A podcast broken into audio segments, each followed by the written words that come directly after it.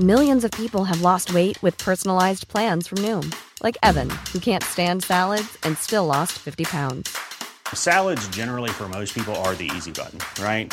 For me, that wasn't an option. I never really was a salad guy. That's just not who I am. But Noom worked for me. Get your personalized plan today at Noom.com. Real Noom user compensated to provide their story. In four weeks, the typical Noom user can expect to lose one to two pounds per week. Individual results may vary. Hold up. What was that? Boring. No flavor. That was as bad as those leftovers you ate all week. Kiki Palmer here, and it's time to say hello to something fresh and guilt-free. Hello Fresh. Jazz up dinner with pecan-crusted chicken or garlic butter shrimp scampi. Now that's music to my mouth. Hello Fresh. Let's get this dinner party started. Discover all the delicious possibilities at hellofresh.com. Hey Dave. Yeah, Randy. Since we founded Bombus, we've always said our socks, underwear, and t-shirts are super soft. Any new ideas? Maybe sublimely soft. Or disgustingly cozy. Wait, what? I got it. Bombus. Absurdly comfortable essentials for yourself And for those facing homelessness. because one purchased equals one donated. Wow, did we just write an ad? Yes. Bombas. Big comfort for everyone. Go to bombas.com slash ACAST and use code ACAST for 20% off your first purchase.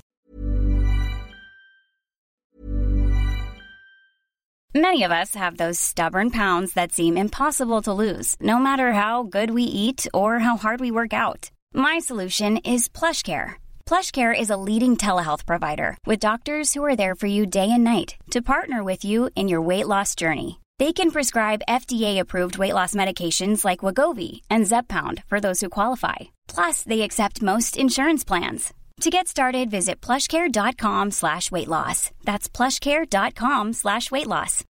Millions of people have lost weight with personalized plans from Noom, like Evan, who can't stand salads and still lost 50 pounds. Salads, generally, for most people, are the easy button, right? For me, that wasn't an option. I never really was a salad guy. That's just not who I am. But Noom worked for me. Get your personalized plan today at Noom.com. Real Noom user compensated to provide their story. In four weeks, the typical Noom user can expect to lose one to two pounds per week. Individual results may vary.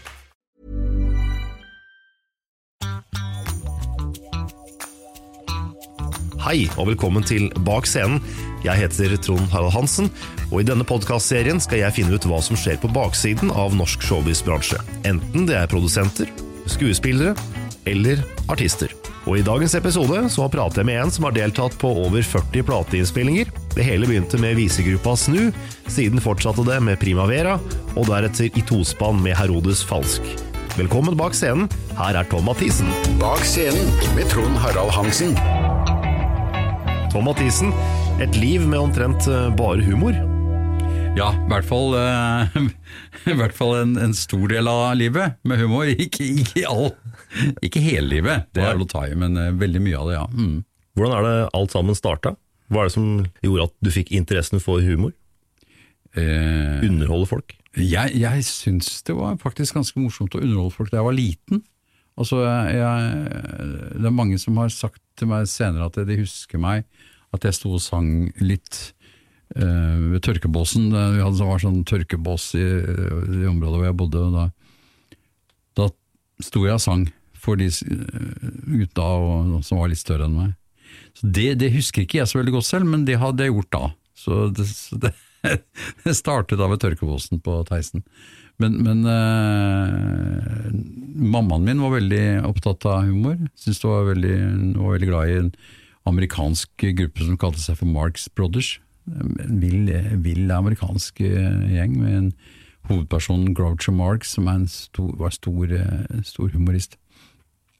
De var hun veldig opptatt av. eh, det og jazz, så det er der jeg har fått jazzinteressen også fra, fra henne. Men, men humoren var, var nok veldig mye mamma, tror jeg. Altså at hun sa 'Tommen, dette her må du se på'. Så var det Marx Brothers på, på svensk fjernsyn. Ja. Og at jeg ser på det. Og det. Så det begynte vel da. Og så har det vært veldig mye humor i familien ellers. Og, av fettere som har mye bra meldinger. og men jeg er vel eneste, eneste av oss som har klart å gjøre levebrød av det. Altså, som har klart å leve av det. Jeg hadde jo helt andre planer, sånn sett, men, men eh, Jeg tror det startet den gangen da jeg var liten, mm, med fra mammaen min. Hva slags eh, planer var det du egentlig hadde? Jeg, planen min var at jeg skulle bli eh, eh, jeg, jeg hadde lyst til å studere medisin, jeg hadde lyst til å bli kirurg. Og, og var jo skoleflink, sånn at jeg eh, jeg klarte meg bra på, på skolen. Og tok videregående på ett år, og jeg fikk veldig gode karakterer. Det, det er ikke skryt, det er sant. Det er skryt òg, da, men det, det er sant òg. Både skryt og sant. så så, så, så da, den akademiske verden lå på en måte åpen for meg. Eh, men, men, men jeg ville tjene litt penger før jeg liksom eh, skulle bli ferdig. Da. Og eh, da ble det med det. Da, da, da var det morsommere å spille enn å studere til kirurg. Eh, Så eh, da, da ble det det isteden. Ja. Og det aller første du gjorde, var det snu? Nei, nei, nei Visegruppa Snu? første- ja, Visegruppa Snu kom, begynte vi i 1970. Før det så spilte jeg mye skotsk, skotsk folke, skotske folkeviser sammen med en, en, en, en venn av meg som nå er, eh, jobber, som, eh, jobber på Drammen museum, hvis ikke han har gått av. En som heter Einar Sørensen. Han og jeg vi reiste rundt og spilte, spilte viser.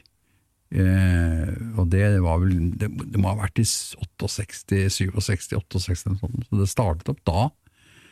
Det var jo de seriøse visesangere med langt skjegg og, og grønne parkasser, og så eh, og spilte rundt på visekvelder. Um, og det var med stearinlys da, og ordentlig, ikke, ikke humor i det hele tatt.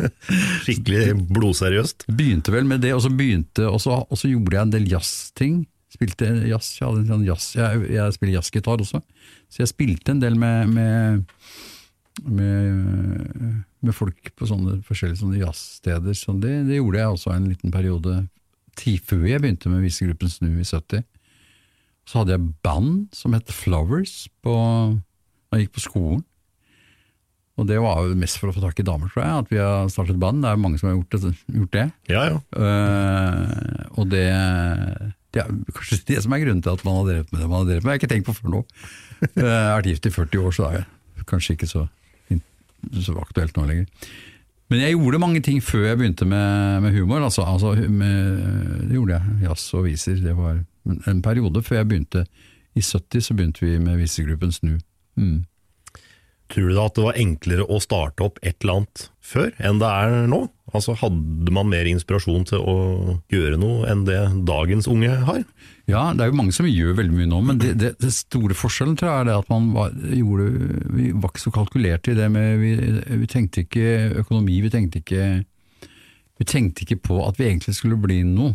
Altså, vi gjorde det mer fordi vi syntes at det var veldig gøy å holde på med, med surr og rør, og, og, og når folk ville høre på det, så var det topp.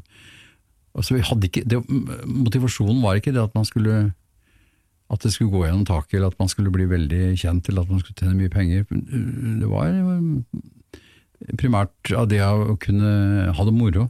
Eh, og Det er sikkert mange som gjør det sånn nå, men jeg tror nok at kanskje det er litt mer At man tenker litt mer på tenker litt mer strategi nå uh, enn det, man, enn det vi gjorde da, for da var det bare, bare på moro. Og så, så var det mange flere som, det flere og flere som syntes det var morsomt det vi drev med, og så plutselig så ble det Plutselig så begynte vi å tjene penger på det òg. Visegruppa Snu det blei jo også en uh, suksess. Dere ga ut en LP. Ja da, vi ga, ja da, vi ga ut Jeg tror vi ga ut tre. Tre, vi, tre jeg tror det ble tre LP-er. Eller var det sånn en, en Ja, to uh, original-LP-er, og så var det vel en sånn Best of. Pest og Snu het den faktisk. Pest og Snu. Ja. Eh, så det var uh, Ja, Visegruppen Snu var Ja, vi var ganske populære. Jeg hadde jo mange låter på Norsktoppen, som det het den gangen, uh, og, og, og gjorde hadde mye store jobber, både, da jobbet av mye NRK-jobber, og varmet opp for store utenlandske artister. José Feliciano, når han spilte i Norge, var Visegruppen Snu oppvarmingsband. Cornelis Fresvik jobbet vi mye sammen med. Uh, jo, vi gjorde veldig mye, var veldig, veldig aktive. Uh, jeg, også Jan Rodal og Erling Bonde, som også var med i, i, um, i Visegruppen Snu. Erling Bonde jobbet jeg jo videre med reklame med etterpå. Vi drev reklamebyrå sammen i, i 17 år. Det å få gi ut eh, LP, det var vel ganske stort eh, da? Ja, det var veldig stort. Det var, det var helt utrolig. Jeg husker jeg gikk forbi musikkforretningen og omtrent hver dag bare for å se i, om den sto i vinduet nå, på, på Musikkhuset på Karl Johan. Ja. Uh, så så det, det, det, ja, det, var, det var en utrolig følelse, og det å kunne å spille inn en plate. Vi, hadde, jo- vi, vi var veldig tidlig ute med å spille live. Jeg tror vi gjorde den første livekonserten som ble teipet i Chateau Neuf i 1971 eller 2 eller sånt, med Visegruppen Snu. Vi hadde pikekor med, og vi hadde stryker, og vi hadde Jonas Fjell spilte fløyte. Og, og uh, Popolu, gutta fra Popolu spilte var, var kompband. Jeg spilte kontrabass da, i perioden. Så det var, det var ganske fantastisk. Eh, og det ble teipet, og det ble den første LP-en. Grov handel. Grov handel.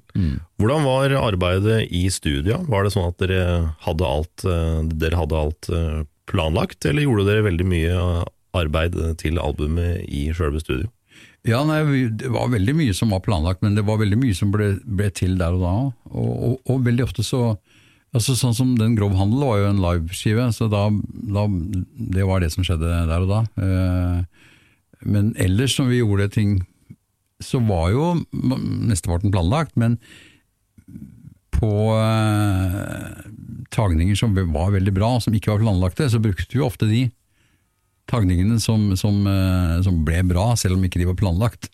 Så, så, så det er jo veldig mye av de tingene som, vi har, som man hører som er eh, ting som egentlig ikke skulle vært med, fordi at det ikke er akkurat sånn som det skal være. Men det er det jo ingen som vet. Det er jo vi som bestemte det. At Ja, ja. det, dette høres bedre ut enn det, enn det, enn det egentlig riktige. Så da, eh, men det, ja, det har vært veldig, veldig mye fin studiojobbing, fordi vi, vi har eh, vært veldig hatt muligheten til å gjøre som vi har villet. Altså, vi har vært veldig, har hatt, vært veldig heldige med de folkene som vi har jobbet med. Og, eh, og de har vært veldig, veldig fleksible og, og sagt gutter, gjør, gjør som dere vil. Og, og det har vi gjort. Og noe ble bra, og noe ble veldig bra, og noe ble veldig dårlig. Ja. Men, men det er sånn det er når man har holdt på i 45 år. Men det er vel veldig ålreit også å ha den muligheten da, til å styre ting sjøl. At ikke andre forteller deg åssen ting bør være. Ja, absolutt. Altså vi, det å, å sitte og forholde seg til en eh, regissør eller produsent i studio som skal fortelle, som skal stoppe deg, og som skal si 'nå sang du', den S-en var litt uklar, og sånn, da, da mister du Du mister energien. Så, og, for det er det spontane som, når det gjelder humor, og spesielt sånne låter som vi holdt på med, så er det spontane viktig. Jan og jeg, vi vi sto i studio noen ganger og, og hadde det så morsomt at vi måtte ha sånn skillevegg mellom oss så ikke vi så hverandre. fordi at vi, vi Da begynte vi å kaste ting over til hverandre over den skilleveggen. Da, for for når han sang, så skulle jeg ødelegge litt, og så kastet jeg ting over. Og du hører det på, på låtene at det er store smil. Altså. Vi hadde det veldig gøy i mange år. Du ble jo henta inn for å ikke gjøre LP-en til Jonas Fjell rock'n'roll-band så populær. Ja, det er riktig. Løsrive dem fra platekontrakta. Ja, det er ganske bra. Ja, det stemmer det. Det var, det var i 74, tror jeg. Uh, Det er også litt av et kompliment. Ja, vi skal ikke selge plater, hvem skal vi kontakte? Jo, Kontakt Mathisen. Uh, nei, det er riktig det. Uh, fordi at jeg kjente jo altså, Jensen, altså Jonas Fell da, og, og Falsk, og vi var jo gode venner alle sammen. Og så holdt jo Og dette var jo før Primavera og alt, så da ble jeg hanket inn fordi at jeg skulle være med som gjesteartist. Og det var vi, altså de, de hadde lyst til å komme seg ut av kontrakten. Og Men det ble jo ikke sånn, da. For den ble jo Jeg sang en låt som het Bære hvit på den skiva, og den Bære hvit den ble jo en kjempeslager. Så den solgte jo som bare det, den, og det var jo trofeer, og det var jo ikke måte på. Men jeg tror, de, jeg tror jeg ble tilgitt, da. Jeg tror det. Det er stilig, da. Ja, det var kjempetøft. Og det var, det var helt spesielt. Det var eh, Jeg husker, husker veldig godt jeg var, Den gangen så var jeg sammen med en, en pike som bodde bort på, bort på Røa. Og var, det var, Vi skulle opp og få platetrofeer, og jeg hentet henne Jeg kom kjørende i sånn kjempediger limousin og hentet henne og skulle opp og motta trofé. Det var stas. Da var, jeg- da var jeg popstjerne, altså. Ja, det vet du.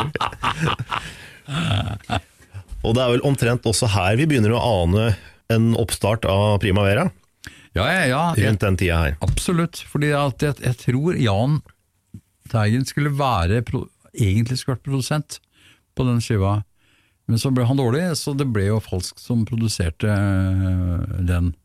Og, så hvis han hadde vært med, så hadde det jo vært det første liksom, samarbeidet, men det var første Falsk og jeg gjorde sammen, tror jeg. Eh, bortsett fra at vi hadde vært kamerater siden vi var fem-seks år gamle.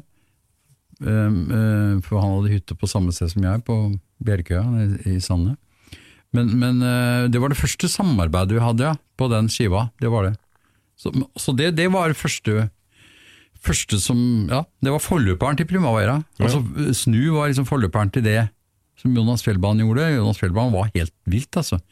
Jeg tror, ikke, jeg tror ikke Jensen snakker så mye om det nå lenger. Eh, eh, den perioden med sm- sminke og, og, og Vaskemaskiner på scenen, og det var liksom ikke måte på de men, men det syns jeg han skulle gjøre, for det er en fantastisk skridd Og, og, og han var stor, og han syns eh, Jeg syns det var eh, De var helt outstanding, altså. De var, de var helt egen avdeling.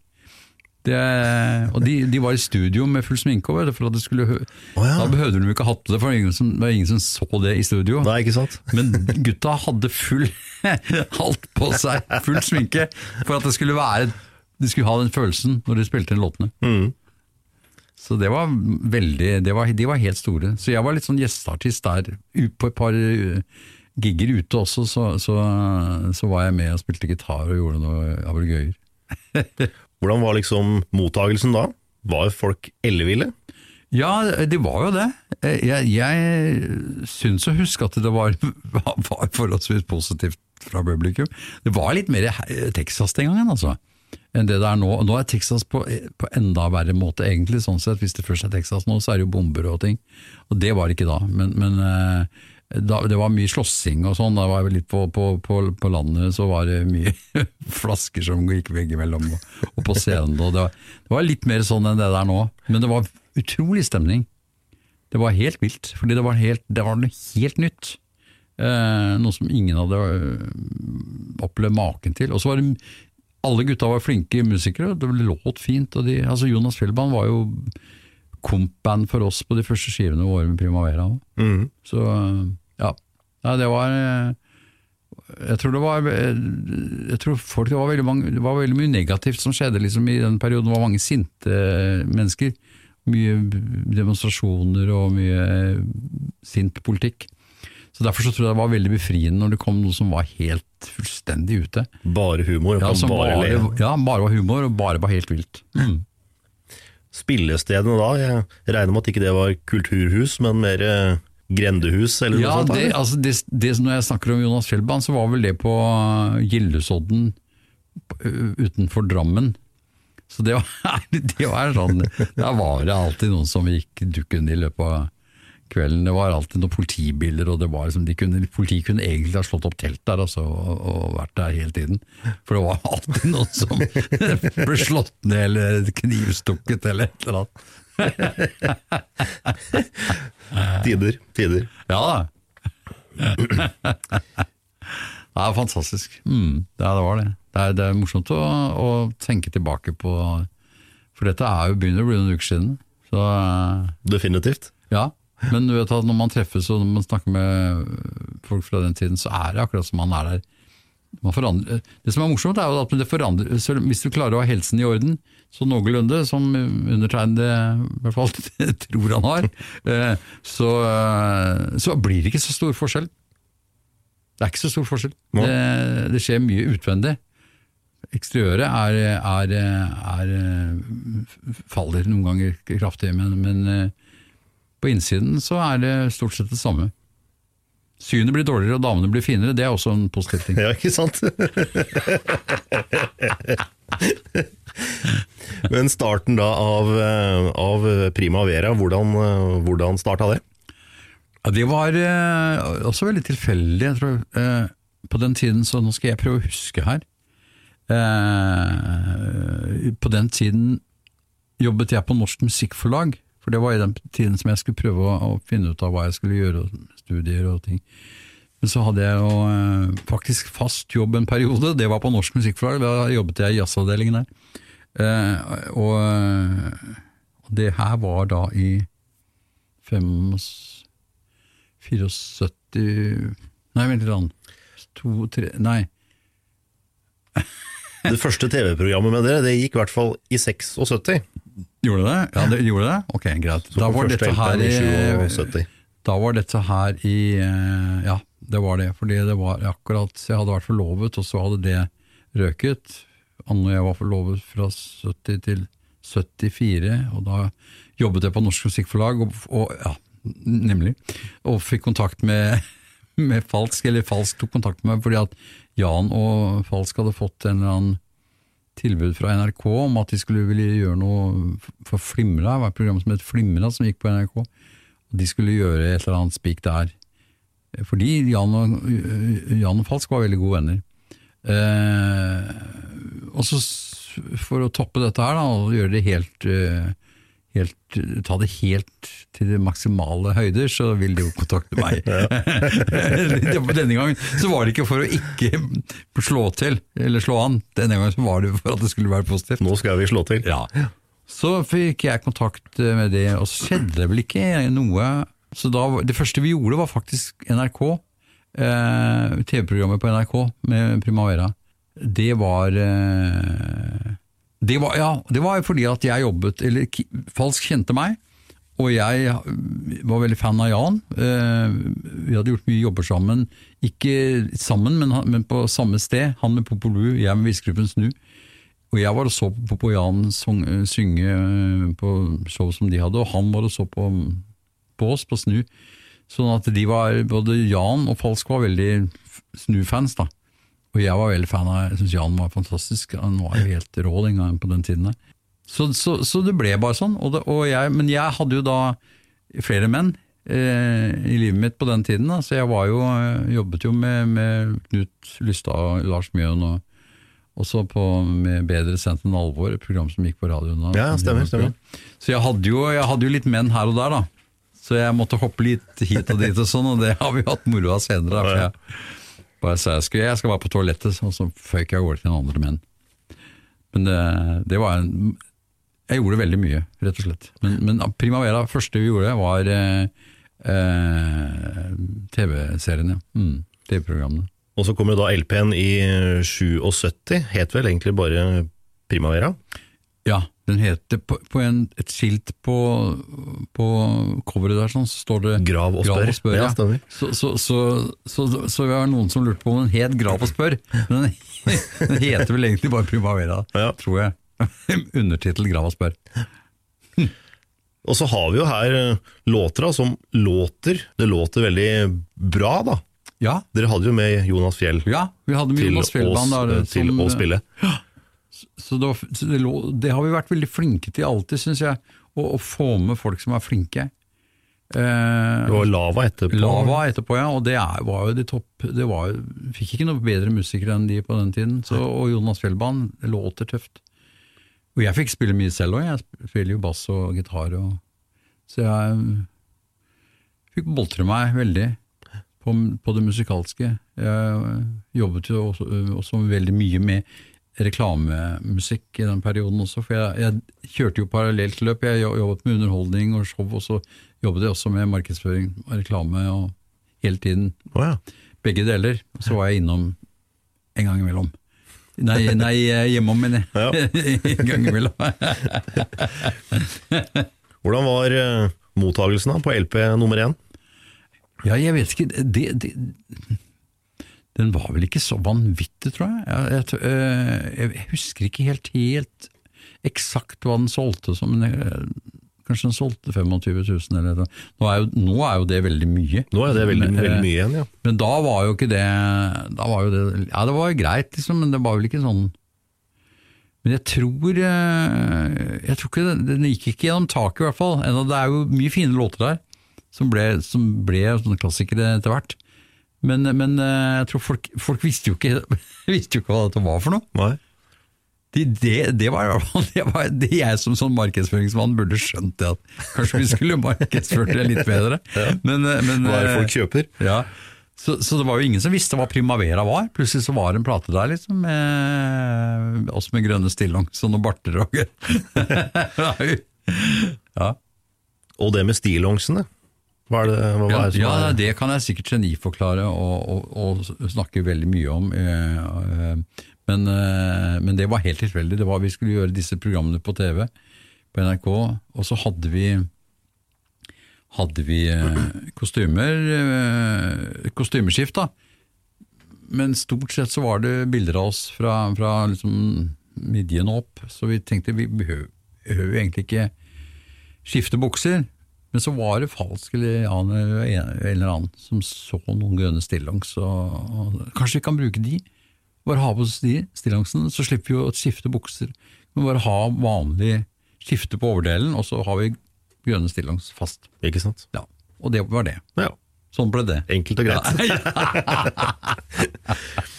Eh, Året etter da, så er vi i 78. Jahn Teigen får null poeng i Grand Prix, Ja. og dere gir ut album nummer to, Ja, det gjør vi. Bra kara. Ja, det gjør vi. Ja, Det stemmer. Og det var en helt annen verden. Eh, For det første fordi Jan hadde fått veldig mye oppmerksomhet som dette med 0-0.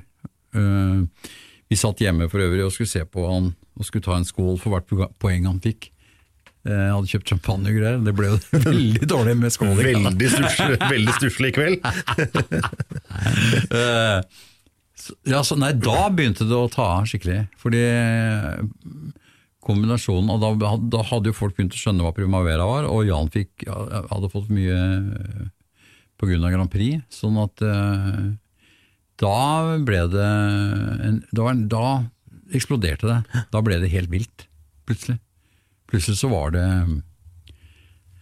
helt vanvittig, liksom. Var, eh, vi var på noen sånn tur, tur med, med en venn av oss med Tor Greni, som, som jobbet for um, Levi's. Uh, og da var vi på en sånn tur uh, med de rundt omkring i Norge, på sånne kjøpesentre og sånn. Og det var helt vilt. Det var helt vilt. Jeg husker veldig godt en, en, spesielt en episode vi spilte opp eh, Lillehammer eller oppimellom der et eller annet sted, på et sånt kjøpesenter der, og så da var det så mye mennesker der inne. så kommer han, han sentersjefen bort til meg, litt sånn tafatt fatt ansiktet, litt sånn panikkøyne, Mm. og sier at du, jeg tror ikke gulvet tåler alle disse menneskene, eh, fordi de hadde begynt å se at det hadde begynt å skje ting. Så jeg prøver å få de ut så fort som mulig, så, uten at det blir litt sånn ikke, ikke rop 'gulvet holder på å rakne, så vi må på, komme oss ut'. Men, eh, så det var, eh, da var det mange mennesker her inne. Altså. Ufattelig mye folk som sto og hoppa opp og ned. ikke sant? Fy Så det var vel ikke sånn som de hadde bygget dette til, sannsynligvis. Stilig, da. Det albumet solgte jo også bra. Ja, ja Bra, eh, Brakara, den solgte Ja, vi solgte jeg, jeg husker ikke helt eksakt, men vi solgte i hvert fall godt opp mot 200 000 eksemplarer. Sånn at det var eh, da, Den skulle liksom alle ha. Den var eh, overalt. Helt vilt.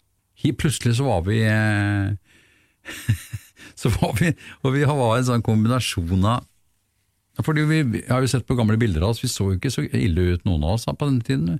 Så, eh, så vi var en sånn kombinasjon av sånn humor eh, Vi var en sånn humorboyband. Fordi vi hadde alle mulige slags Vi hadde alle mulige slags publikummere. Altså vi hadde sånne nerder som bare samle sånne rare gamle kassetter og sånn, og så hadde vi jo noen sånne hylende, ville damer som, som var helt eh, krakilske. Så vi hadde et, publikum som var helt Det var som det var sånn Gjøkered-innspillinger. Altså. Det var helt vilt. Stilig. Ja, det var, og det var fullt overalt. Var lange køer og Nei, det var, det var virkelig morsomt. Altså. Vi ble smuglet inn og ut av lim, limousiner og hadde sånne signeringer som gikk helt eh, av skaftet. Det var fantastisk morsomt. Det ja, ordentlig moro. Det er jo også her vi finner låter som eh, 'Det er en fin dag', det er Ja. Norge som er bra, så, Ja, lyk så lykkelig i Sverige. Det som virkelig er de store hitene. Ja, Er de på. Brakala? Det mener jeg. Ja, ja, det er godt mulig. Jeg husker ikke så godt sånne, hvilke som er på hvilke. Men, men det er nok riktig, eh, det er nok riktig det. Ja, de er jo blitt ordentlige klassikere. Det å sitte og oversette de, hvem var det som eh, gjorde det, eller lage de låtene? Flere av dem er jo Fa- Falsk og jeg som, som, Falsk og jeg som skrev, skrev alt som var av tekst eh, til, eh, til Primavera. Falsk skrev jo også eh, tekstene til låtene til Jan. Um, og alt Primavera-tekster var Falsk og jeg som satt på Bjerkøya nede på hytta og skrev.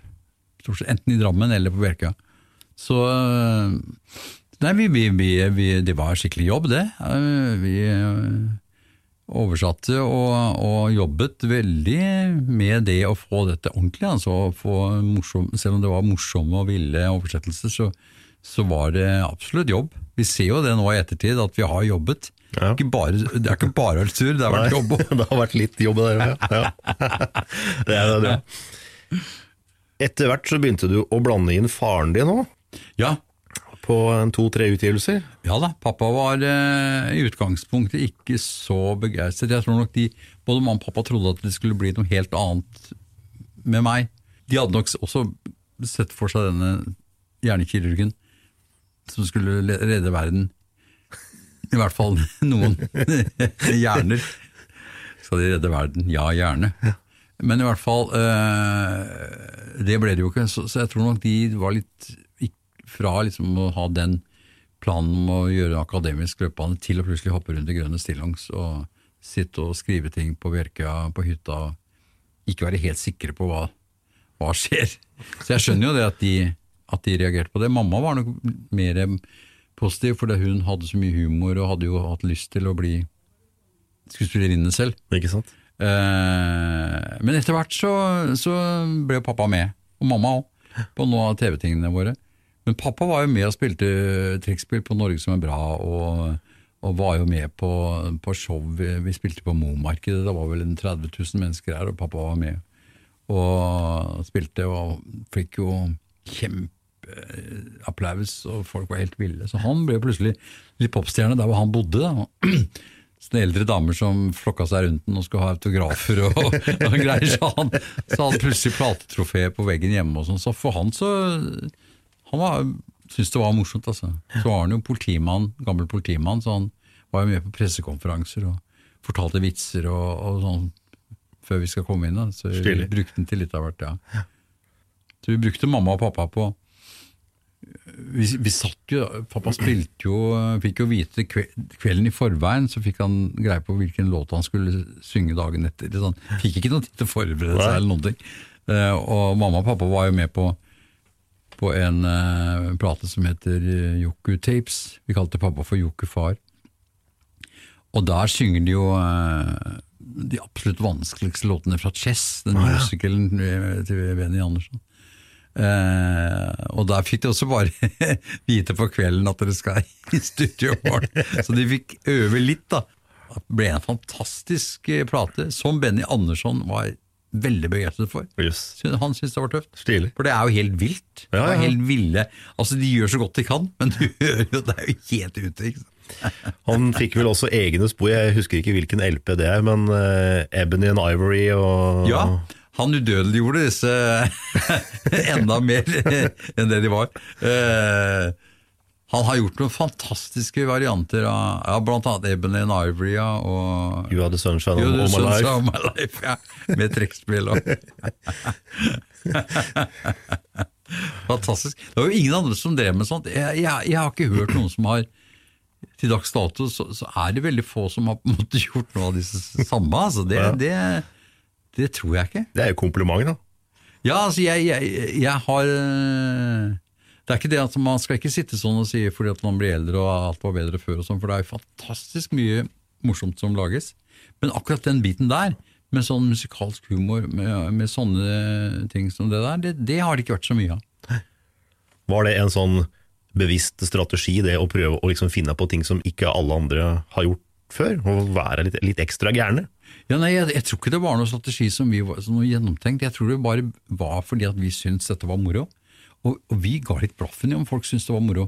Fordi vi syntes det var moro. Og, øh, og, og, når da flere og flere syntes det var gøy, så var jo det bare Vi fikk jo veldig mye tilbud vi om å gjøre mer liksom ordentlige ting.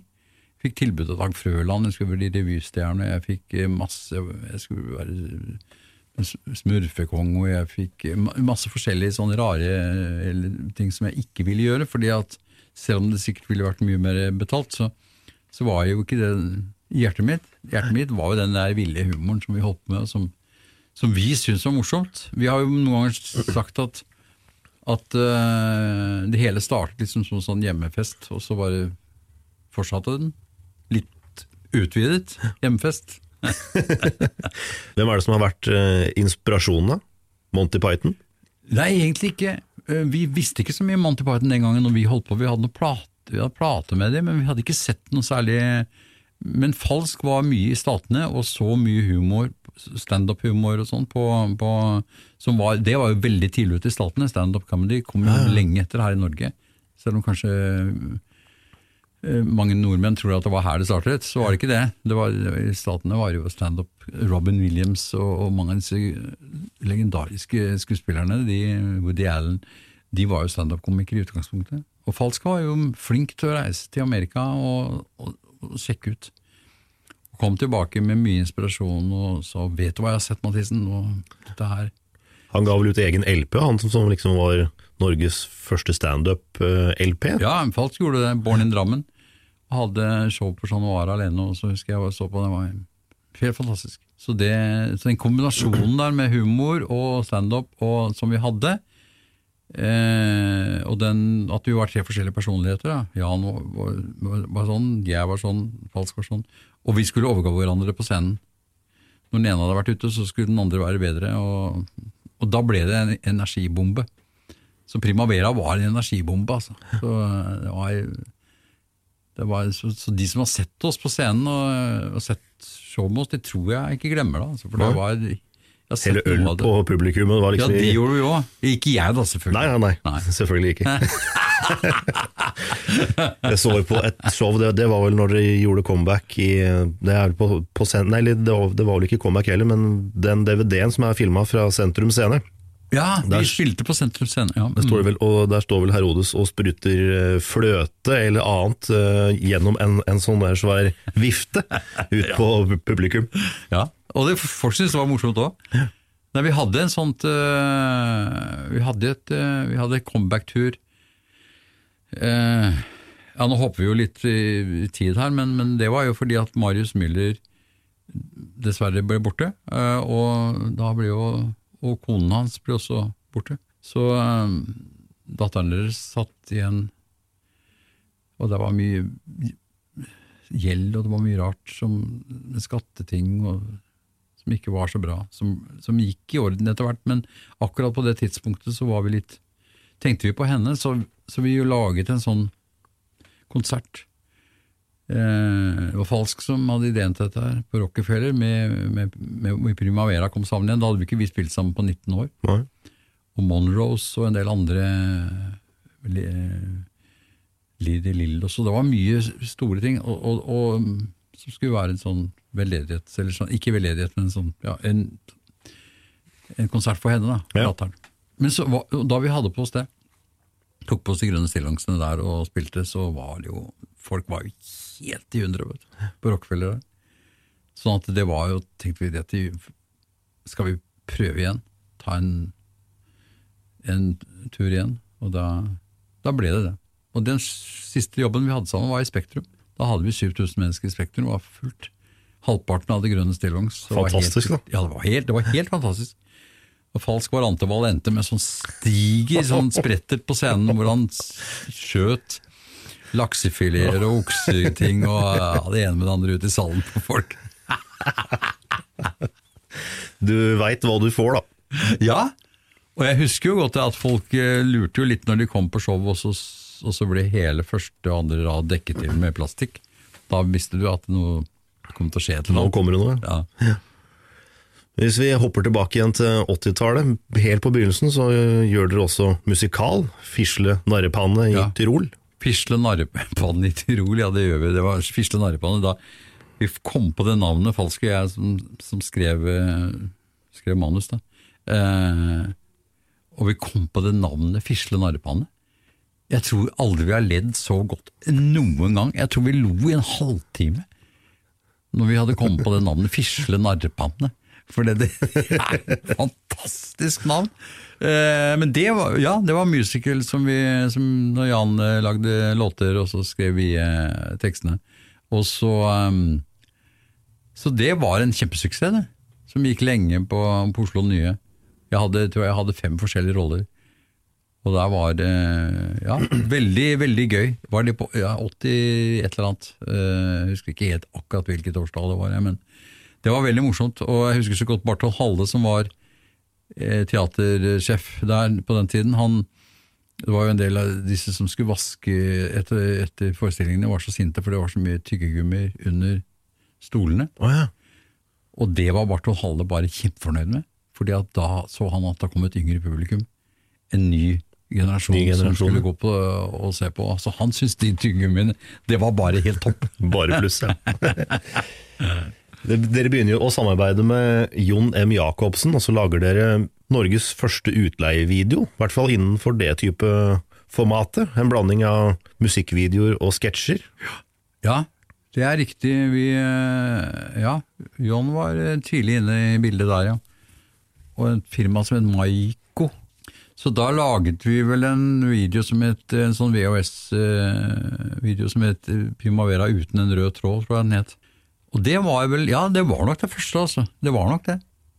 Eh, det var ikke så mye ute den gangen. Nei, og sultefòra sultefora etter å bare sett NRK, da, sikkert. Så det var, ja, så det var nok eh, det var et marked eh, som, eh, som ventet der, og det var eh, det tok helt av, det der. Altså. Den var, eh, det var så rart, for jeg, hadde, jeg har alltid hatt en litt sånn perifert forhold til ting. Sånn, jeg, jeg, jeg er egentlig veldig privat. De som kjenner meg, vet det. Jeg har aldri vært noe som har gitt noe ekstra. Har, det er sånn at Den klassiske meldingen er Hvor er Mathisen? Det er jo premierefest. Hvor er Mathisen? Nei, han er gått i skauen. Oh, ja. Så, så, han, så jeg har, har, veldig, f- jeg har, har et litt fjernt forhold til det med å være kjent. Og, og så jeg har begynt å skjønne nå hva, hva, hva, hva vi har gjort. Men, men, eh, men på den tiden så hadde, hadde jeg en veldig fjernt forhold til det. Jeg, jeg ville nok veldig være, ha den privatlivet hjemme, med ungene, skolen. Altså den, så, så jeg tror det var mange foreldre og sånn den gangen som ikke skjønte hvordan det kunne være samme person som de hadde vært og sett på en sånn der vill scene med hopp opp og ned med stillongser og ting og sånn. og så var det helt rolig Blodseriøs etterpå. Ja, det tror jeg nok eh, Men det er veldig mange av oss skuespillere og humorister som er sånn. Men det må man vel også egentlig være? Ja, du kan ikke, hoppe, du kan ikke styre og ståke og sånn. eh, Du kan godt eh, i godt lag komme med en god replikk, men, men de som venter seg en kjempeaften fordi at de skal invitere en humorist på en fest, de har bedt inn feil mann, altså. Her så begynner dere også å samarbeide med Øyvind Blunk. Ja, Han var vel omtrent akkurat ferdig med Herfra til Haglemoen, som ikke ble akkurat noen nei, kjempesuksess. herfra til Haglemoen var en serie som Øyvind, der tror jeg den ble tatt av plakatene på NRK. Vel nærmest steinet i byen, tror jeg. Det Det- var ingen som likte den. Den serien ligger jo nå ute på NRK sitt ar arkiv, bortsett fra siste episode, så den tror jeg nesten de har sletta. Ja, men, men jeg lurer på om den siste episoden ikke ble sendt, ja. Altså, jeg Ja, det kan- ja, det kan nok stemme. Ja, ja, jeg tror de kuttet der, altså, for at det slo så forferdelig dårlig an. Da hadde de én episode igjen. altså. Det er litt sånn Men Øyvind, Øyvind var jo eh, Da var han jo eh, Han hadde jo ikke den enorme suksessen akkurat da. så vi, vi har jo tulla med det at vi plukket den opp fra rennesteinen Ja. og sa da at nå må, skal vi ha det gøy sammen, Øyvind, må du høre her. Så da regisserte jo han Fisle Narrepanne. Han var regissør der, eller instruktør heter det vel på teaterspråk. Eh, Så, så det var eh, et samarbeid som varte i lang tid. Øyvind gjorde mye sammen med oss. Og har vært en viktig, viktig, viktig mann i alle år. Mye moro. Og han ble mer og mer gal etter hvert. Og han, vi var jo veldig imponert over Øyvind, fordi han var jo skuespiller, så han kunne jo replikkene sine så godt. Ja, ja. Så sa jeg åssen klodens navn klarer du alle disse replikkene så godt? Nei, men jeg har øvd, jeg, sa han. Øvd, ja? ja. Hva er det for noe? Ja. vi tok det litt mer på hælen, vet du. Så vi begynte å øve, vi òg. Nei, Øyvind, eh, Øyvind er eh, helt unik. Han er, han er jo Han klarte seg godt på egen hånd etter hvert òg, da. Eh, Han gjorde det.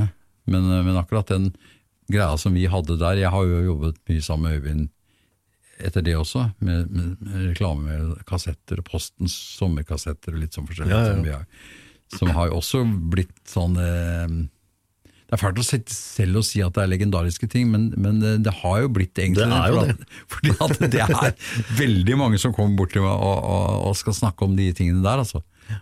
For de solgte jo, de solgte jo i hundretusener, de òg. De var jo overalt. Bensinstasjoner og postkontorer og ja.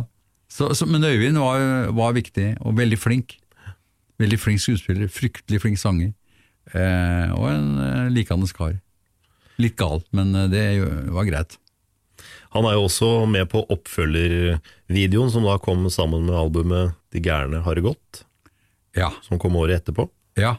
Ble det også en ny videosuksess? Ja, det tror jeg det ble. Eh, det, det er, ja, det ble nok det. Altså. Det, det var det meste Det, det høres jo fryktelig eh, vemmelig ut å si sånt, men det meste vi gjorde på den tiden der, sånn, det ble, var faktisk eh, ble veldig godt mottatt. Vi ble litt bortskjemte. Fordi hvis ikke det tok gjennom, gikk gjennom taket, så liksom var det hva er det som skjer nå? eh? Er jo ikke populær lenger. Nei, ikke sant? Eh, Men det men, men, eh, Og det gjorde jo sitt til at vi fikk lov til å gjøre sånne ting som Yoko Tapes med mamma og pappa, sånn, fordi at vi hadde jo, vi hadde jo den i bånn at vi, vi solgte mye til plater, vi solgte mye av videoer og, og hadde fulle hus overalt. og vi, vi gjorde det veldig bra, så derfor så kunne vi gjøre sånne sære ting som Viggo Reidar og, og, og Børre og Gibb og altså sånne ting. Så, så, også, og, og vi fikk lov til å boltre oss og gjøre som vi ville, fordi jeg, vi leverte jo. Vi gjorde det. Det skal vi ha. Det ble, ble vel også et show på ABC-teatret, som også har kommet i CD-a i ettertid. Ja, De gærne har det godt. nå øh, høres det ut som jeg ikke husker noe særlig av dette her, og det er jo helt riktig.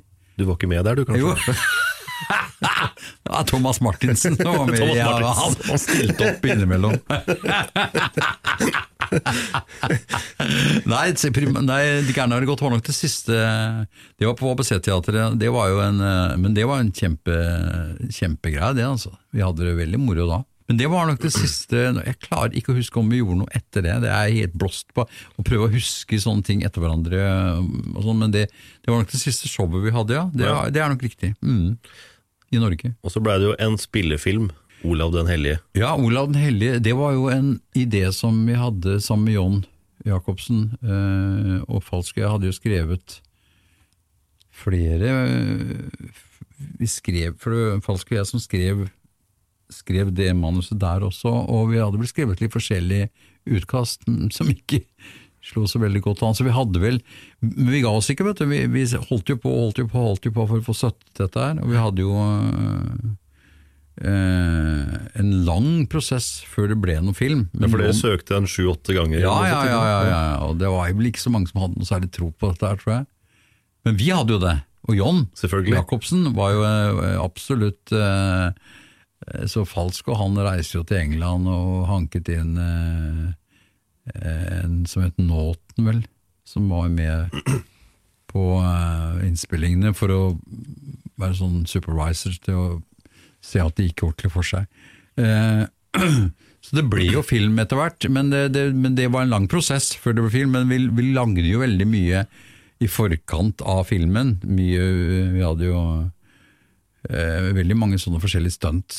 eh, Da pappa var med som politimann, og sånn med, da vi hadde bestemt oss hvem som skulle spille hva. og masse, vi, gjorde, vi, var flinke til å, vi var flinke til å få oppmerksomhet.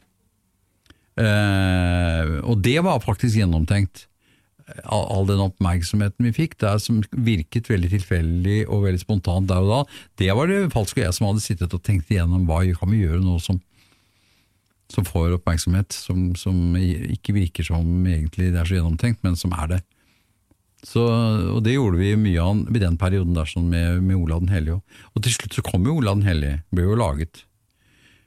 Uh, og det var uh, en kjempeprosess. Det var en kjempe Olav den hellige ble jo en kjempesuksess. Det gikk jo kjempebra.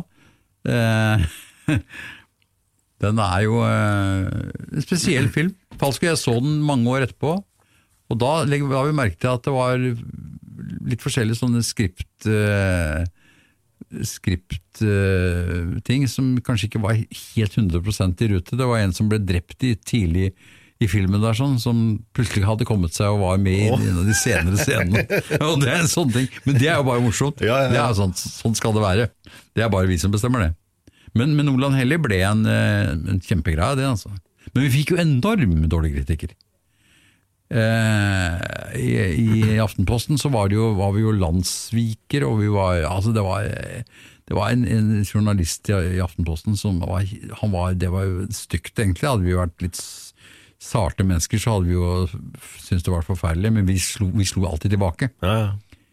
Vi lot oss aldri knekke av dårlig, dårlig kritikk. Det, vi bare slo tilbake, vi. Og så, som Lars Keilhaug sa til meg for mange år siden, han er journalist i Aftenposten, og var det da at uh, vi klarte aldri å ta dere sånn, fordi at dere slo tilbake. Uansett. Men dere er jo ikke aleine om, om, det. F.eks. Olsen-banden nå, ja, ble ja. slakta nord og ned. Ja, totalt. Mye av disse tingene som ble sånne klassikere, som da ikke fikk noe anerkjennelse i, i, i pressen. Eh, journalister kjørte liksom sitt eget løp den gangen. jeg vet ikke men det var bare det at det var eh, Det var sånn det var. Altså det, vi kunne ikke gjøre alt til laks. Ikke til makrell engang. Eh, sånn at eh, det, det, satt jo alltid noen der ute som spisset blyantene sine, og, og som, da, som, du kunne se underveis på hva de syns. Ikke et smil, ingenting. Bare sinte notater. Og vel. Men vi klarte oss allikevel, vi, da. For da, vi fikk jo faktisk en del gode kritikere da. Men de husker jo ikke, man husker jo ikke de så godt, men, Nei, de var, men vi fikk jo det. Men akkurat Olav den hellige, det tror jeg var gjennomgående dårlig. og så går jo ei lita stund, og så har dere comeback i Sverige. Ja. Som egentlig var bare én kveld. Jo, det var for så vidt i hvert fall en kveld som I hvert fall da det het Primavera. som det, ja. ja. vi skulle til Sverige, fordi, men da hadde vi ikke spilt sammen på lenge, altså. Og, men Jan var, var, jo blitt litt kjent i Sverige, og Anita eh, altså Folk kjente jo litt til Jahn Teigen i Sverige. så Meningen var jo det at vi skulle gjøre et comeback i Sverige, i Stockholm, for å ta Sverige, liksom. Gjøre furore og virkelig slå igjennom Eh, jeg hadde jo vært i Sverige med Visgruppen Snu sammen med Tore Skogmann eh, for mange mange år siden, men det tror jeg ikke det, det hadde ikke satt sånne enorme spor. jeg var ikke noen sånn household name i Sverige av det. Men, men uh, vi, vi, gjorde det. Da dro jo Jan og Falsk og jeg over og, og, skulle lage et show i Sverige, og vi hadde jo ikke øvd. Vi, vi, hadde jo ikke øvd på dette her, og vi snakket sammen om showet, hvordan vi skulle ha showet. Og så brukte vi Selve premieren ble en øving. Og det er jo ikke det smarteste hvis du har tenkt å fortsette liksom, ting, i, i hvert fall på, på den scenen. Så, så det, det, gikk som det måtte gå. Det ble Det var et fantastisk eh, fiasko. Men, men, eh, men, men med, med, store smil og med veldig selvtillit. Og, sånn, men vi, vi, skjønte vel det at uh, Egentlig så var det vel ikke Det var vel egentlig litt sånn at vi hadde vel gått bitte litt lei, tror jeg. Uh, så det ble vel litt, litt sånn prikkløp. Men uh, Og det var vel ingen av oss som var 100% tent, så da ble det deretter. Men det, men det var jo noen, noen kritikker eh, etterpå. Så I en av svensk avis så sto det blant annet om meg, så sto det 'Showets ingenting gjorde ingenting'. Stod det. og så en annen som skrev at det fins bedre ting at gjøre enn å se det her showet, blant annet at vaske opp. Oh. Og, så, så det var en del eh, Det var ikke så veldig Det var en rar stemning der etterpå. Jon Skolmen var der, husker jeg, for han var jo en god venn av oss. Og hadde jo vært i Sverige og gjort Han kjente jo svenskene til, så han sa Tom, dette, går, dette går over. Om, om eh, noen dager så er det glemt.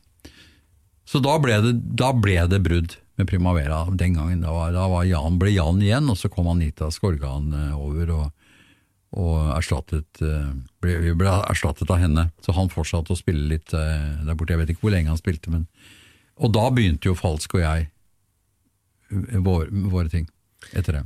Jeg har lest et eller annet sted, det kan jeg jo spørre deg nå om det stemmer. Viggo og Reidar, en jul i konteineren. Ja, Leste at dere planla tidenes dårligste juleplate.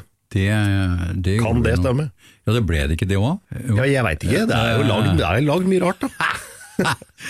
Det var i hvert fall Nei, jeg, jeg husker ikke Jeg kan ikke huske akkurat hvordan Viggo og Reidar begynte, men vi var vel litt lei av sånne veldig sånne gode, positive, fine Alt, skulle være så koselig og, og, og, og nydelig og sånn til jul, og var ikke måte på til glede. Så vi, jeg tror vi hadde lyst til å gjøre noe helt annet. To skikkelig sånne forsofne uteliggere som hadde jul i konteineren sin på, på kaia, og det som Hvordan julen var for dem. Og det er jo en Vi spilte den platen på sommeren, men vi hadde pyntet med juletre, og vi hadde julegløgg, og vi hadde Øyvind var med.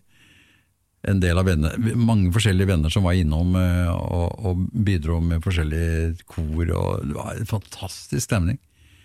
Og vi hadde svær sånn bolle med gløgg og, og juletre og, Fullt kjør. Ja. Så, men det ble, en morsom, eh, det ble en veldig morsom juleplate, og det har også blitt sånn klassiker. For det, jeg, jeg, eh, jeg var akkurat innom Rock og Roll, en fantastisk butikk. Ja, den er kjempe, kjempebra. Ja, da kan jeg lage litt reklame for dem, for de skal flytte til Stortingsgaten. Så 1. april så får de nytt sted, så da må folk skjønne at det er dit de skal gå, for det er en utrolig fin butikk. Der, eh, der er jo tittet litt, der står jo om Viggo Rei- Reidar-ting og sånn der, altså. men hun sa det, hun som jobbet der, at det blir fort borte. Så det er morsomt. Så det, så var- det var en veldig spesiell greie, men, men det, ble, det ble en del låter, blant annet barnebarnet mitt, som er åtte år, hun har en favorittlåt der som heter 'Nissen er en jævla kødd'. Eh, og, og jeg er ikke helt sikker på at datteren min syns at, eh, at det er den fineste sangen hun synger, men det er Bobo som har laget den, da. Jeg er Bobo. Så, eh, så det er jo fantastiske tekster. Når jeg hører på det nå, så er det jo helt utrolig. Og at vi fikk lov til å gi dem ut òg. Altså, eh, hvis, hvis den, den nissen er en jævla kødd, den teksten der sånn, med, med kvinnfolk med brøster og pornofilm med hester og vips, så hadde jula vært bra. Altså, det er fantastisk utrolige meldinger. Men, eh, men det er humor, altså, det er mye glimt i øyet bak der, og da, da Hvis du bare leser det, så, så ser det litt verre ut, tror jeg. Dere hadde jo da et uh, plateselskap som var veldig velvillige, da. Ja, Sonett med Harald Tømte eh, og Terje Engen og Arild Vestli. Som, som uh, var fantastisk med oss, og rause, og, og lot, oss, lot oss gjøre sånne ting. Og, og, og ikke minst også sam, parallelt så gjorde vi jo mye TV-show, TV-serier, på TV Norge og på, på mm, TV3. Med Jan Arild Slinning som produsent. Kalle Lisberg var inne i bildet der. Og, eh, og da fikk vi også, også lov til å boltre oss. Det var eh, Det var eh, Jeg tror ikke det var noe særlig sensur. Det var noe vi ikke fikk lov til å, til å vise, men det kan jeg jo for så vidt skjønne.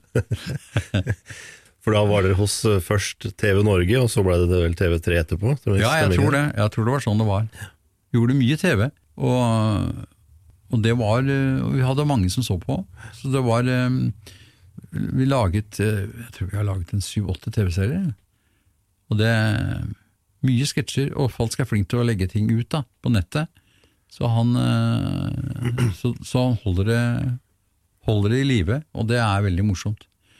For det var også veldig gjennomarbeidede ting. Altså, sånn, det, det skal, se, skal ses ut som det skjer der og da, men Vi var flinke til å jobbe i forkant. Jeg, vi har sett, vi har, som jeg sa i sted, vi måtte innrømme det at vi har jobbet. Vært mye jobb. Men morsom jobb, da. Vi har alltid hatt det hyggelig. Det morsomme med Falsk og meg er at vi nå har vært kamerater siden vi var fem. Nå er jeg snart 65. Han er jo et år yngre enn meg, to år yngre enn meg. Men vi har vel ikke hatt en eneste krangel underveis. Det er ganske utrolig. Vi har hatt én altså en uenighet en gang når vi var i England. Så var det uenighet om hvilken stasjon vi skulle gå på når vi var på et tog. Da ble jeg litt hissig. Og han eh, var ikke vant til at jeg ble hissig, så eh, han, han kom øyeblikkelig med en flaske vin og skulle spandere på meg, husker jeg, på, på, jeg kunne kjøpe vin på toget. Men det er den eneste gangen jeg kan huske at vi hadde en sånn hvor vi var litt grann hissige på hverandre. Og det hadde jo ikke noe med jobb å gjøre i det hele tatt. Så det skal vi ha. Det er, eh, vi er like gode venner i dag som vi, som vi alltid har vært. Dere var jo utrolig effektive da, det var jo plater omtrent hvert eneste år. Ja, og det er jo også falsk fortjeneste, fordi at jeg er litt mer makelig anlagt. Og jeg sa til han når vi skulle ha nytt show, og sånn, så jeg, kan vi ikke ta noen av disse Kan vi ta noen låter fra forrige skive, og så noen låter fra der? Og så. Nei, Mathisen. Nytt show, ny skive. Så da var det å sette seg og lage låter. Og, og da, da ble det mye låter, da. Mm. jeg tror jeg har laget rundt 40 album eller noe sånt. Da. Så det er mye. Det som er veldig ålreit nå, det er jo det at nå ligger jo alt ute på Spotify Ja. og sånt. Det er fantastisk moro. Det å ha fått tak i det, eller det å også få tak i det dere har lagd før, det har vært veldig vanskelig. Ja, det vet jeg. Er det en bevisst strategi? å Liksom holde igjen på det? Noe av det er jo det, Jeg vet ikke, det er litt litt sånn ubevisst øh, Bevisst strategi. Nei, jeg vet ikke. Eh, vi har jo hatt planer om å Det er jo en samle-CD ute nå, en Primavera-CD ute nå, Ja. som er i, å få kjøpt i butikken. Platekompani har den. Eh, så det er en veldig bra greie. Den har de oppe på sånn rack og stilig å gå opp og se på den.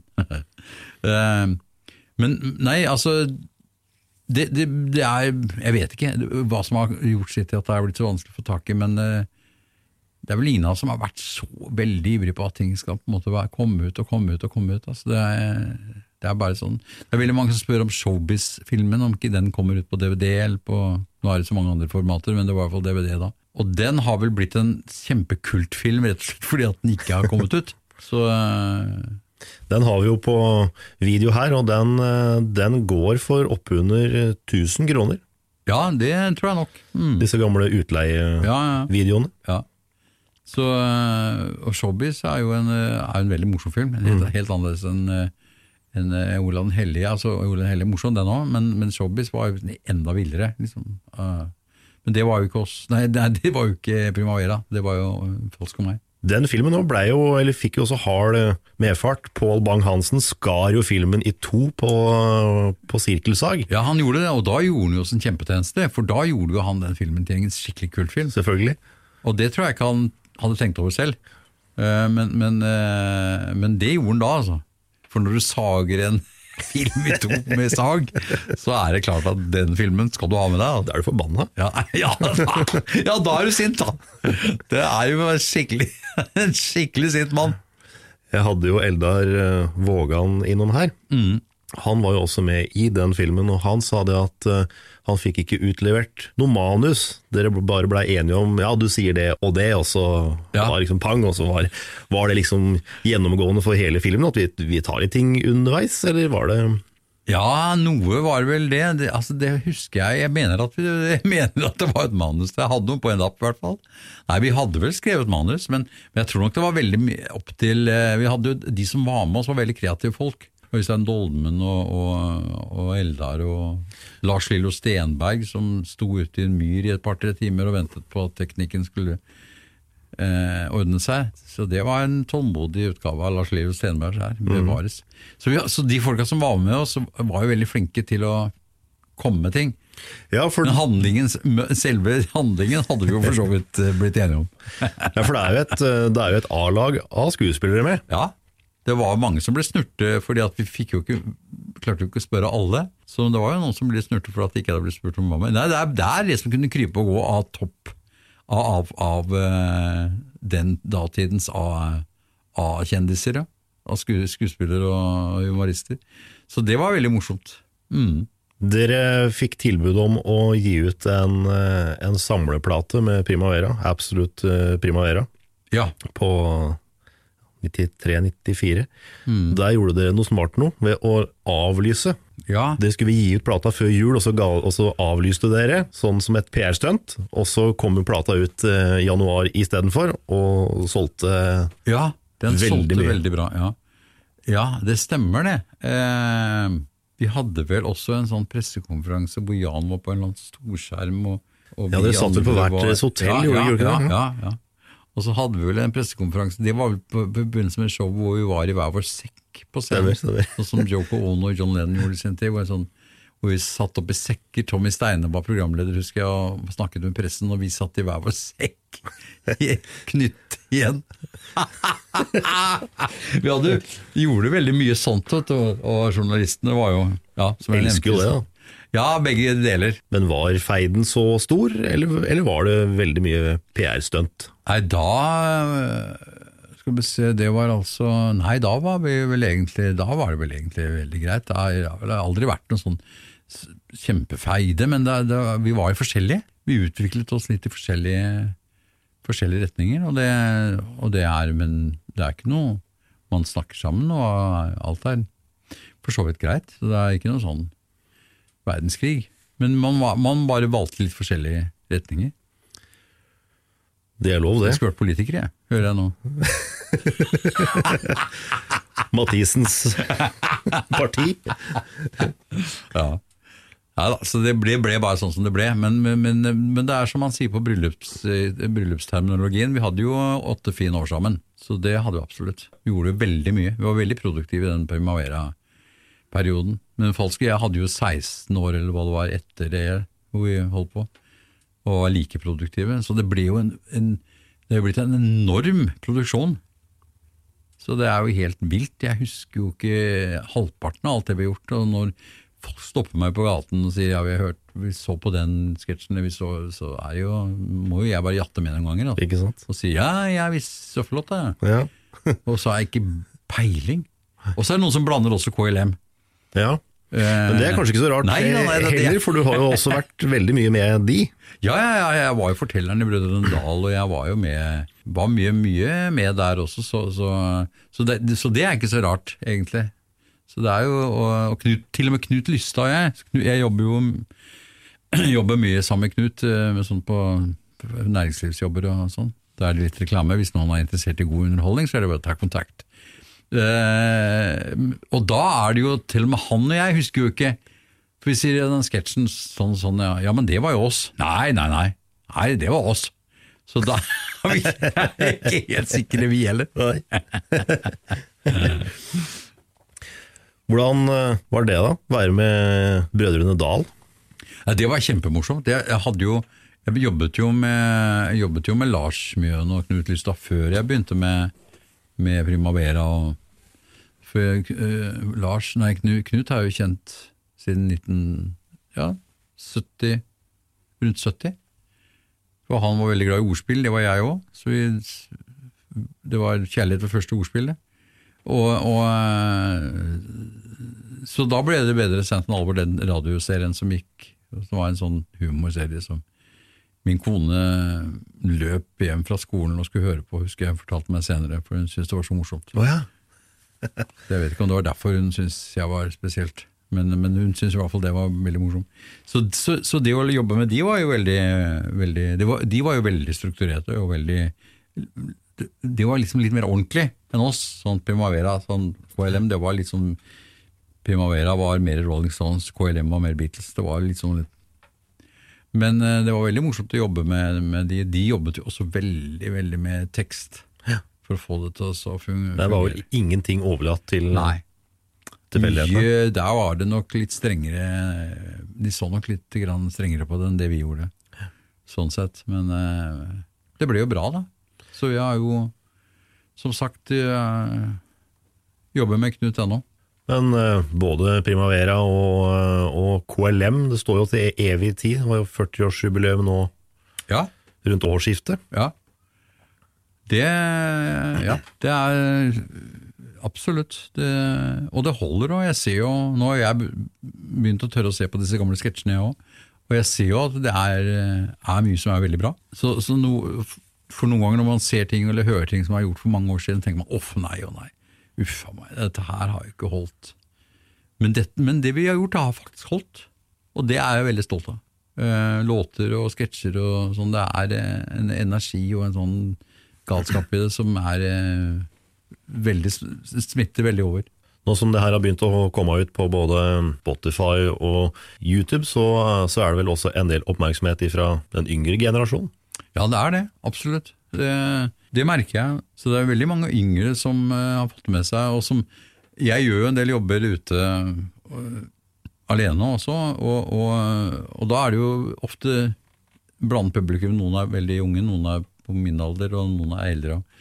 Og da er jo disse unge veldig nysgjerrige, de òg. For de ser det er en sånn grå tass som sitter oppå scenen der og er helt villmann, og, og, prater og surrer og, og, synger, og folk synger med. og så de unge de tenkte her, hva er dette for noe? Hvem, hvem er du?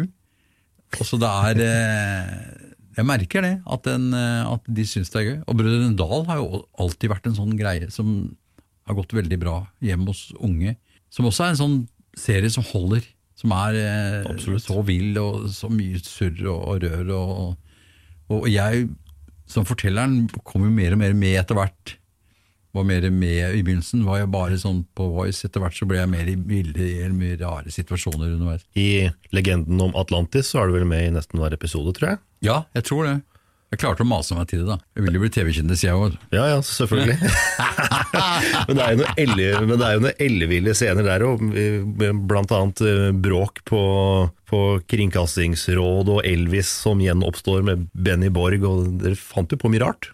Ja, himmel og hav. Eh, ja. Eh, det var liksom ikke det det var, det var, ikke noen grense for hva man kunne finne på. Altså det, altså, a, a, ting, og sånn er vi jo ennå. Vi sitter jo og koker på falsk og Jeg prater jo litt om å, å kanskje gjøre noe igjen, vi. Mm. Og jo, vi er jo hester. Sirkushester, begge to. Så og den galskapen den er der, når vi sitter, vi sitter og prater litt og, og begynner å koke litt, så, så, så er den der ennå. Og det, det, det, har den alltid vært. Og, men, men, vi har alltid hatt den kombinasjonen at vi har vært Og det, det er, høres jo ut som skryt, det òg, men det er ikke skryt, det er sant. Både skryt og sant. At vi har vært veldig ordentlige. Vært veldig nøkterne sånn med økonomi og nøkterne med, med, med alt, og for, forhold til liksom, på en måte alkohol og altså alt sånne ting som, som, det er lett å havne i sånne feller når man er i en sånn situasjon, når man reiser mye på turné og man er såkalt kjendis og populær. Men vi har vært flinke til å skille på den biten der, og vært flinke til å jobbe veldig strukturert med, med tingene våre, altså, og fått det til å fungere. Og det, det skal vi ha. Det har vi alltid, alltid vært veldig flinke til å sette oss ned og jobbe, ikke sitte og, og drikke og, liksom, og prøve å få til. Vi har prøvd det òg, men det har ikke vært en vellykket. Det har blitt veldig dårlig, det vi har skrevet. Så det er ikke noe å anbefale. Men, men øh, når jeg tenker tilbake på, på det, så, så, er det jo den galskapen Den jo, er jo gjennomtenkt. Men det er jo galskap allikevel. Men om man skal øh, overleve, da, så må man vel også ta det seriøst og gjøre ja, ja, ja. ordentlig arbeid? Absolutt.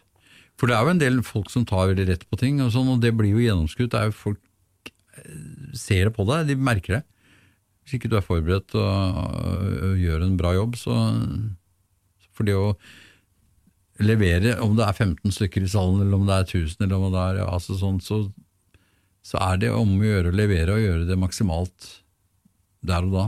Og har, sånn har det vært alltid. Mm. Og sånn er det ennå. Jeg er jo like spent ennå, jeg, som det sitter folk der ute i salen som kan låtene dine, og som er veldig positivt innstilt. og Det er ikke noen fæle anmeldere som skal kaste noen terningkast eller noen ting. Alt er bare hyggelig.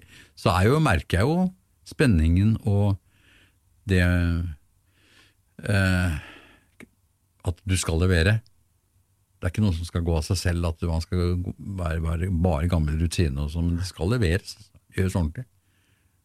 Så det er sånn som sønnen min satte meg, hadde alle hatt sånn arbeidsmoral som, som dere, pappa, så hadde det ikke vært noe problem. Han er reklamemann, han òg. Så, så, men vi har alltid hatt det moro.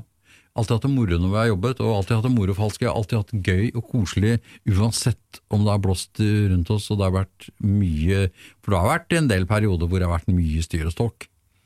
og mange som har vært på ballen. Men vi har alltid hygget oss.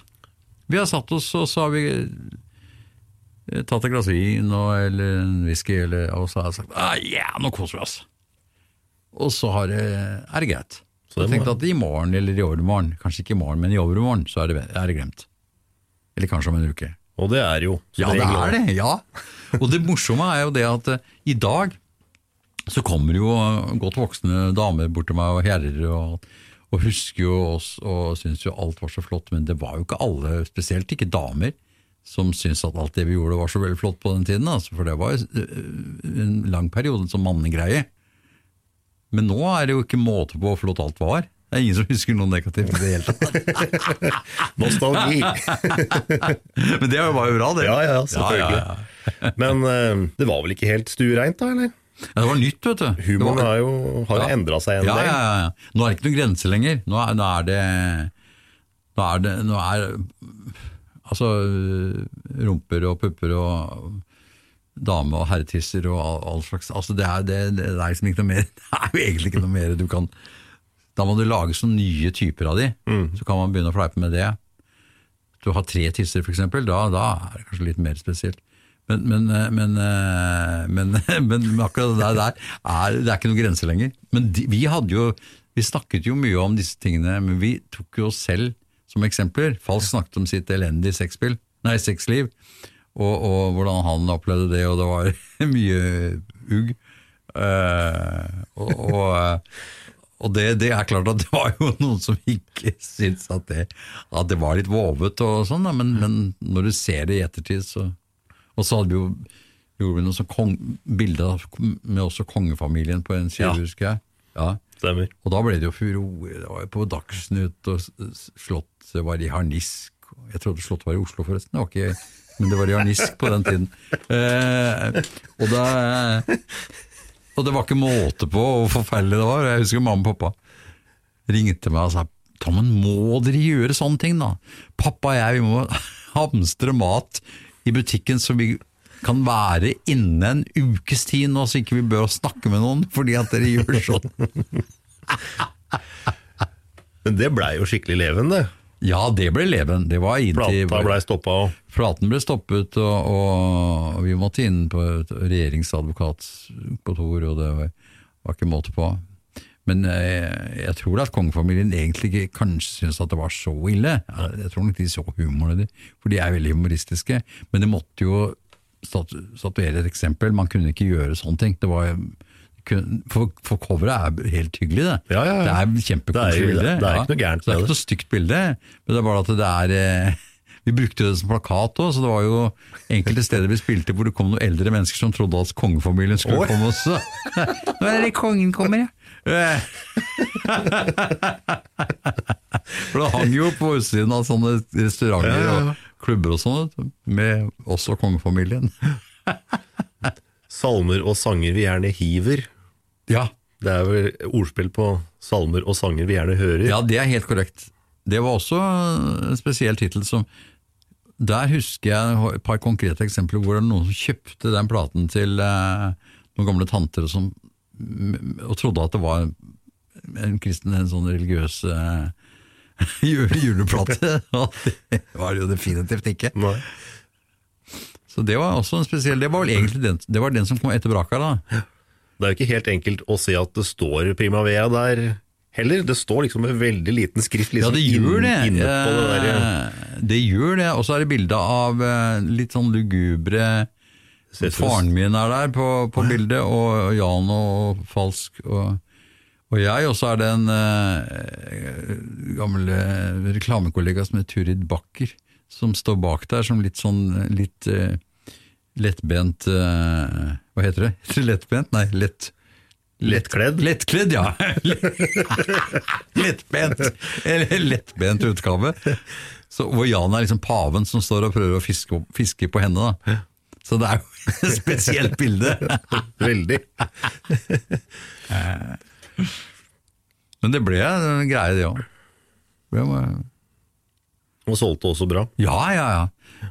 Den solgte ikke så mye som Brakara, så vi, var jo, vi holdt jo på å henge oss da når ikke den solgte så mye. Men den solgte jo sikkert 100 000 eller noe sånt, så det var, jo ikke, det var jo ikke noe å være lei seg for. I dag er jo det veldig uoppnåelig. Ja, det er det. Det er veldig få som selger det. Ja, Jeg tror vi solgte en rundt 100 av den, og så solgte vi vel en 160-70 av Brakala. Så, så for oss den gangen så var jo det Oi, hva skjer nå? Det er jo ikke populær lenger nå. Også, men det var jo sånn som neste skiva solgte jo igjen veldig mye. Så, så, vi har egentlig alltid solgt solgt ålreit uh, med plater, det har vi gjort. Dere lagde jo også en, eh, en samleplate som også er litt stilig. The Best of Ebba.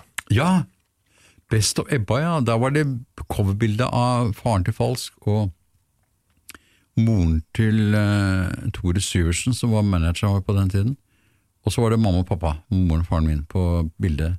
Fantastisk bilde, sånn, mm. sånn ABBA-parodi. Ja. Med så, så, det skal vi ha. Det var, eh, og de var veldig sporty, da. De var med. De visste jo ikke helt akkurat hva dette skulle brukes til. De skjønte jo ikke at de skulle stå i alle plateforeninger i, i, hele, hele Norge. Men, men, det var eh, Best of Ebba var bra.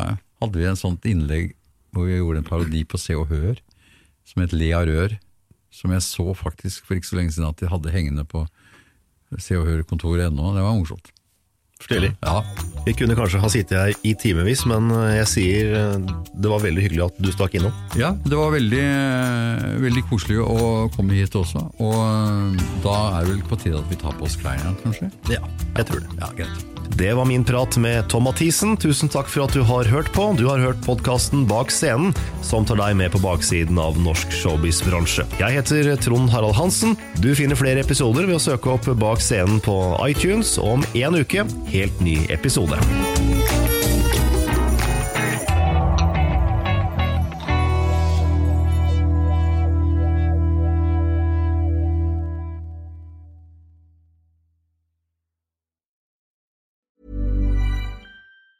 Planning for your next trip? Elevate your travel style with Quince. Quince has all the jet setting essentials you'll want for your next getaway, like European linen, premium luggage options, buttery soft Italian leather bags, and so much more. And it's all priced at 50 to 80% less than similar brands. Plus, Quince only works with factories that use safe and ethical manufacturing practices. Pack your bags with high-quality essentials you'll be wearing for vacations to come with Quince. Go to quince.com slash trip for free shipping and 365-day returns. Hold up. What was that? Boring. No flavor. That was as bad as those leftovers you ate all week. Kiki Palmer here, and it's time to say hello to something fresh and guilt-free. Hello Fresh. Jazz up dinner with pecan-crusted chicken or garlic butter shrimp scampi. Now that's music to my mouth. Hello Fresh. Let's get this dinner party started. Discover all the delicious possibilities at hellofresh.com. Planning for your next trip? Elevate your travel style with Quince. Quince has all the jet setting essentials you'll want for your next getaway, like European linen, premium luggage options, buttery soft Italian leather bags, and so much more. And is all priced at 50 to 80% less than similar brands. Plus, Quince only works with factories that use safe and ethical manufacturing practices. Pack your bags with high-quality essentials you'll be wearing for vacations to come with Quince. Go to quince.com/pack for free shipping and 365-day returns.